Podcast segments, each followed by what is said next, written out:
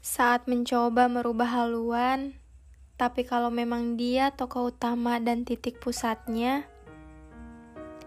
kamu pasti akan kembali pada posisi awal.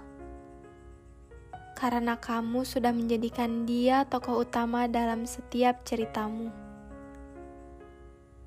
Maaf jika terkesan dan tidak berkesan tapi aku harap ini memberi pesan.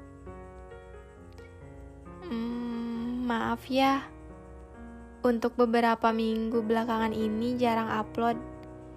Ya karena lagi ribetnya sama perasaan sendiri sih. Jadi, tanpa berlama-lama, di episode kali ini kita akan membahas tentang seseorang yang menjadi tokoh utama.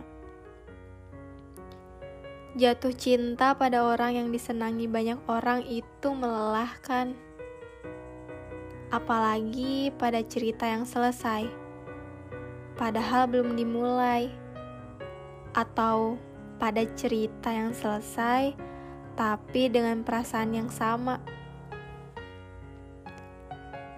Orang-orang bertanya, Siapa tokoh utamanya sekarang?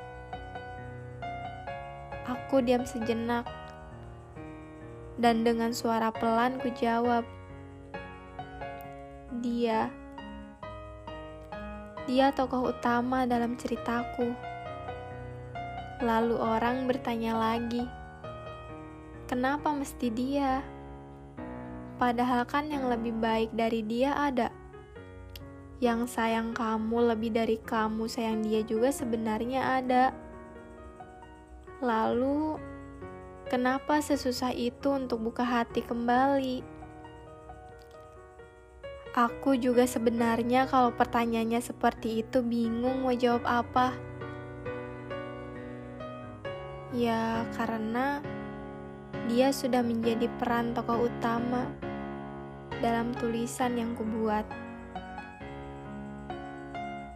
tokoh favorit di setiap cerita.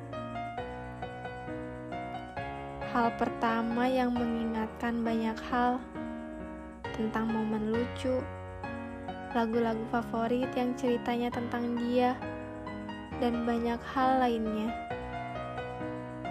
Dia enigma dalam hidupku, dalam ceritaku, dan dia meyakinkanku bahwa singgah itu sungguh.